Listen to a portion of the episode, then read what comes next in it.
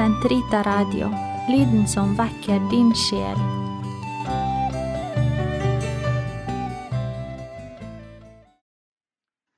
Hei og velkommen tilbake til denne podkasten om tro og vitenskap. I de seks foregående podkastene har vi sett på forholdet mellom tro og vitenskap, og vi har brukt sommerfugler som vår nøkkel til å drøfte dette lange og ofte mangslungne forholdet. Men det vi har sett, er at det oftest har vært et gjensidig berikende forhold. Svært mange kristne munker, nonner, ordensbrødre og søstre og prester, for ikke snakke om en hærskare av lege, kristne menn og kvinner, har vært aktive og betydningsfulle forskere i alle naturvitenskaper. Så tro og vitenskap utelukker slettes ikke hverandre, snarere tvert imot. Men hva er det da som har skjedd? Jeg tror det viktigste vi kan gjøre er å finne tilbake til kjernen i vår tro. Påstanden om at det kristen tro er overtro, er en ganske moderne påstand, og som vi har sett, så holder den ikke vann. Naturvitenskapene kan kun forklare og beskrive naturens prosesser fra og med det øyeblikk hvor universets innhold faktisk fantes, ikke før. Opprinnelsen, altså overgangen fra det absolutte intet til noe, og tilblivelsen av livet, samt dybden og vidd i menneskets liv, kan ikke forklares naturvitenskapelig. Likeledes ser vi at ateismen i grunn ikke har noe å tilby. Selv om mengder på mengder av mennesker selvfølgelig lever gode liv som ikke-troende, vil det likevel alltid forbli et, et filosofisk spørsmål om meningen med livet. Er det kun å leve så godt som mulig? Holde seg frisk og leve så lenge som mulig, få egen familie og helst tjene, rimelig godt med penger og kunne utfolde seg? Hva er den dypere mening hvis vi bare utslukkes fullstendig i det øyeblikk vi dør? Ateismen reduserer oss i bunn og grunn til avanserte dyr. For vår eksistens skyldes kun at vi har utviklet oss fra aper gjennom evolusjon. Og siden ateismen avviser Guds eksistens, fremholder den at en såkalt moderne etikk må forankres i menneskets fornuft. Nå er det bare det at en slik moderne og fornuftsbasert etikk dypest sett er en illusjon, et luftslott. Grunnen til dette er at en ateistisk etikk nødvendigvis må være forankret i en beslutning eller en form for avtale. Det kan eksempel være et parlamentarisk vedtak, eller en grunnlov eller noe lignende. Problemet er bare at man alltid kan endre mening, og at en etikk som er vedtatt ett sted, kan endres med et flertall et annet sted. En ateistisk etikk vil alltid være en såkalt konsensusetikk, altså en flertallsbasert etikk. Og dette har vi sett mange ganger allerede. Hvilke etiske vedtak i Stortinget har ikke vært endret eller foreslått endret de siste 10–20 år? Abort, eutanasi, ekteskap, innvandringspolitikk, barnebidrag, medisinsk etikk, bare for å nevne noen. Så hva har vi da? Hva sitter vi igjen med? Vi har jo nevnt Ratzinger, altså gamlepave Benedikt og hans nesten profetiske ord om kirkens indre forvitring allerede fra 50-tallet. Vi kan jo ikke opprettholde kirken bare for å berge etikken og moralen. Det eneste som kan revitalisere etikk, revitalisere kirken, det er en revitalisering av troen, altså en gjenoppdagelse og en indre fornyelse av troen. Men hvordan skal det kunne skje? Troens veier er mange, og jeg kjenner slett ikke alle. Men det jeg ofte ser, er at mange kristne kanskje føler at troen nærmest skulle kreve at man oppgir fornuften, at man må gjøre seg mer naiv enn man er for å kunne godta troens innhold. Det jeg har forsøkt å vise i denne podkasten, er at det så ikke er tilfellet. Nettopp det at så mange kristne har vært og er aktive i vitenskapens tjeneste, viser at tro og fornuft går hånd i hånd. Ratzinger, altså gamlepave Benedikt, sier et sted om dette at troen og vitenskapen har sine patologier, altså sykdommer som de må slite med. Tro uten fornuft blir naiv i bunn og grunn, Og vitenskap uten tro taper det dype perspektiv for den virkelighet den forsøker å beskrive. Dette er en dyp og riktig erkjennelse. I Kirken tror vi at Vår Herre gir oss av sin nåde hver dag, men nåden forutsetter fornuften å bygge på den. Dette fordi Vår Herre skapte oss med vårt intellekt og vår fornuft, og da forventer Han også at vi bruker den. Vi trenger altså ikke gjøre oss naive for å kunne tro, og vi trenger ikke å være redde for hva vitenskapen og samfunnet finner ut, men vi skal være oppmerksomme på at de også trenger troens dimensjon for å ikke miste det dype perspektivet på sin egen aktivitet. Og det skjer ofte. For noen år siden ga Ratzinger ut to bøker om Jesus Kristus, og jeg vil hevde at de er noe av det beste som er skrevet om mesteren fra Nasaret. Den gamle paven redegjør i sine bøker for at vi kan stole på evangeliene, at de virkelig gir et troverdig vitnesbyrd om Jesus Kristus.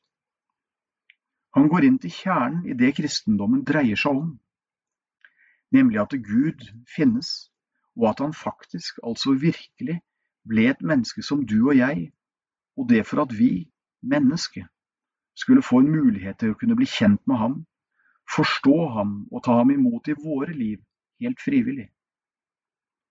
Det evangeliene beskriver, er en enestående hendelse som faktisk skjedde i vår historie for om lag 2000 år siden, og ikke bare en myte eller ønsketenkning.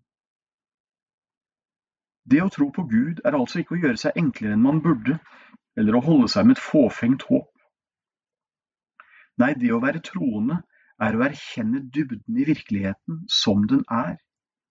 At alt ikke bare oppsto ut fra det store intet, men at det ble kalt til eksistens av Ham som står utenfor tid og rom, og at Han sendte sitt skapende ord, sin skapende kraft, som sin sønn, som et menneske til oss, for at vi skulle kunne ta ham imot som en av våre egne.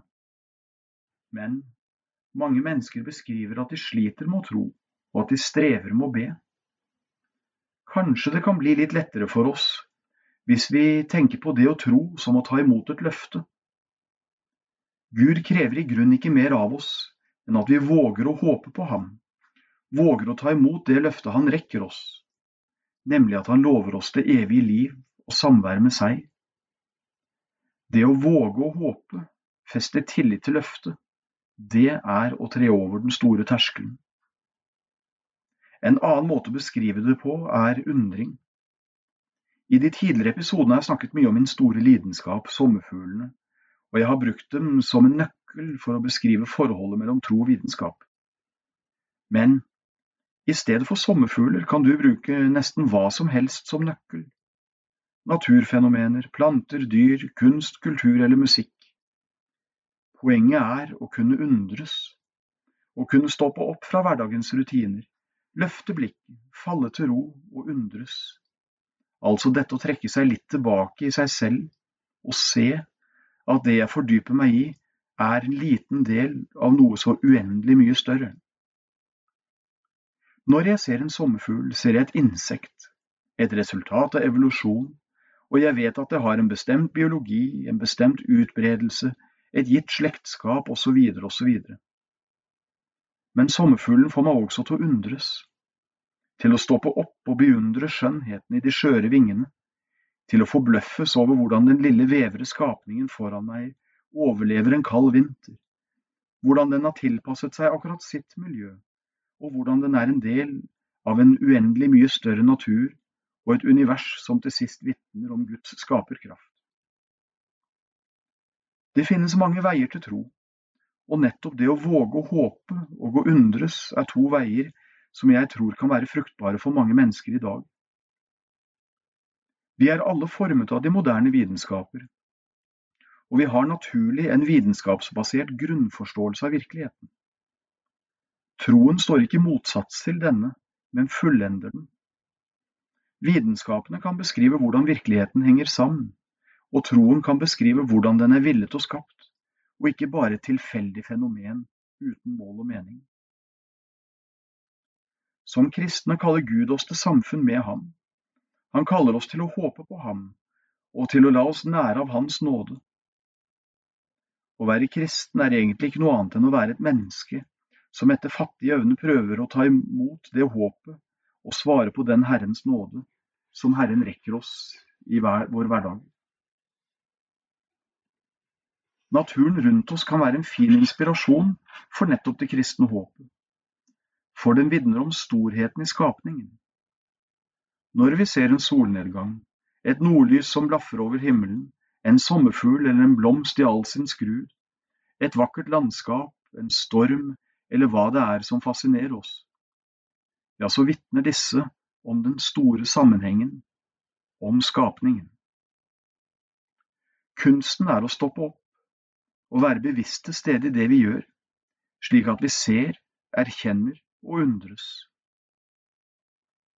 Dette å være bevisst til i eget liv er langt på vei det samme som å leve kontemplativt. Vi tenker kanskje at kontemplasjon er noe vi kun finner hos munker og nonner, men det er feil. Alle kristne kan leve et kontemplativt liv i sin hverdag.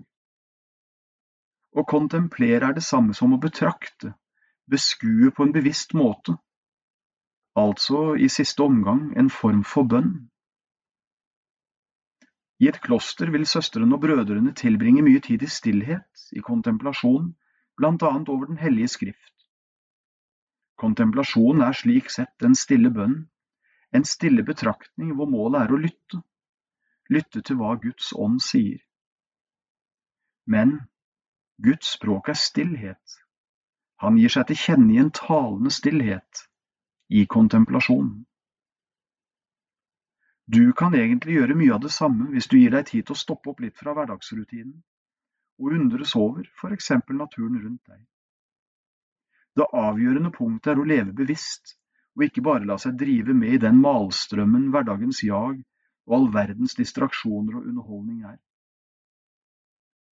Som kristne trenger vi altså ikke å føle oss underlegne i møte med vitenskapen og den moderne verden. Men vi trenger heller ikke å modernisere vår kirke, som man tenker for å gjøre den tidsriktig eller fresh, som mange mener skulle være nødvendig for å nå ut, for å kunne møte menneskene av i dag. Vi har allerede alt det vi trenger i kirken. Når vi kaller vår kirke for katolsk, så er det fordi den er full og hel, at den har alt den trenger, gitt den fra Jesus Kristus selv. Katolsk er ikke et substantiv, altså et egen navn, men et adjektiv altså noe som beskriver det som kommer etter, nemlig ordet kirke. Og katolsk kommer fra gresk katholon, og det betyr direkte oversatt omtrent med helheten. Og det er altså et adjektiv som beskriver hva kirken er. På norsk må vi bruke flere ord for å fange hele dette adjektivets betydning. Og vi kan også gjengi det egentlig langs to linjer, en vannrett og en loddrett. Den første er Katholons vannrette betydning. Der betyr ordet universell eller til stede overalt, vanlig og egalitær. Ut ifra dette er altså den katolske kirke den vanlige kirken, den som er til stede overalt og er ment for alle. Ingen trenger å tilhøre et bestemt folk eller en gruppe, eller å kvalifisere seg over et bestemt minstenivå, eller bo et bestemt sted for å være katolsk kristen. Nei, kirken er katolsk, den er altså til stede for alle overalt. Men katholon har også en loddrett betydning, eh, og det, med det så sier den noe om kirkens innhold. Katholon betyr nemlig også full, hel, fullstendig eller fullt utrustet. Og denne linjen gjengir at den katolske kirke er fullt utrustet for å klare sitt frelsesoppdrag. Den har et lærembede som forklarer og forsvarer troen for de troende. Den har blitt gitt alle sakramentene og alle nådemidlene den trenger for å føre sine troende til frelsen. Den har et presteskap som ber for de troende og forvalter sakramentene, og den har liturgien og bønnen som trengs for å formidle nåden fra Herren til de troende. Men ikke minst, og det gjelder oss alle, i vår dåp og i vår konfirmasjon har vi alle mottatt dåpens nåde og Den hellige ånd, den nåde som setter oss i stand til å ta imot Guds nåde i våre liv. Vi trenger altså ikke lete høyt eller lavt etter en mening med livet, etter kilden til fred eller lykke, eller en nøkkel til et evig liv. For alt dette er oss allerede gitt, i vår dåp og i vår konfirmasjon. Vi trenger altså ikke lete eller finne opp hjulet på nytt. Vi må bare ta imot og fornye det vi allerede har fått. Fornye det som allerede er lagt ned i vår sjel, nemlig vår dåp og vår konfirmasjon. Og vi trenger ikke å gjøre det noe annet sted enn i vår kirke, i vår menighet, i våre egne liv. Vi trenger ikke å skjemmes, vi trenger ikke å frykte. Vi trenger ikke å føle oss underlegne av vår tro, for vår kirke og vår tro tåler utmerket godt fornuftens prøve. Kirken er ikke identisk med de synder dens dårlige tjenere har begått. Vi kan opprøres og sørge over deres slette handlinger, men synd, menneskets synd, er altså ikke et uttrykk for kirkens tro, snarere tvert imot. Men omvendt ser vi virkelig hva troen kan gjøre der hvor vi ser de helliges verk. Vår kirke har tusener på tusener av helgener, og de er virkelig verd et lite studium. En moder Teresa som vier hele sitt liv til Indias fattige. En Maximilian Kolbe som modig trer frem og høflig ber den tyske offiseren i Auschwitz om å få lov å bli henrettet, i stedet for en medfange som brøt sammen i møte med døden. Eller en Carlo Acutis, den italienske tenåringen som brukte sin tid og datakunnskap til å dele sin tro med sine venner og kjente over hele verden. Eller en Johannes av Korset, denne middelalderens mystiker, som i det dypeste åndelige mørket fant igjen Herren som en mye større Gud enn den han trodde han hadde mistet. Listen er lang. Den teller som sagt tusener av menn og kvinner, unge og gamle, som på en overbevisende måte viser oss hva Gud kan gjøre, bare vi våger å håpe og å undres. Det eneste vi trenger å gjøre, er å ta imot løftet. Så, neste gang du ser en sommerfugl, se på den, nyt dens vakre farger og intrikate mønstre, og våg å undres over hvilket fantastisk univers den er en bitte liten del av, og prøv å ta imot det løftet som universets skaper rekker deg. Takk for oppmerksomheten.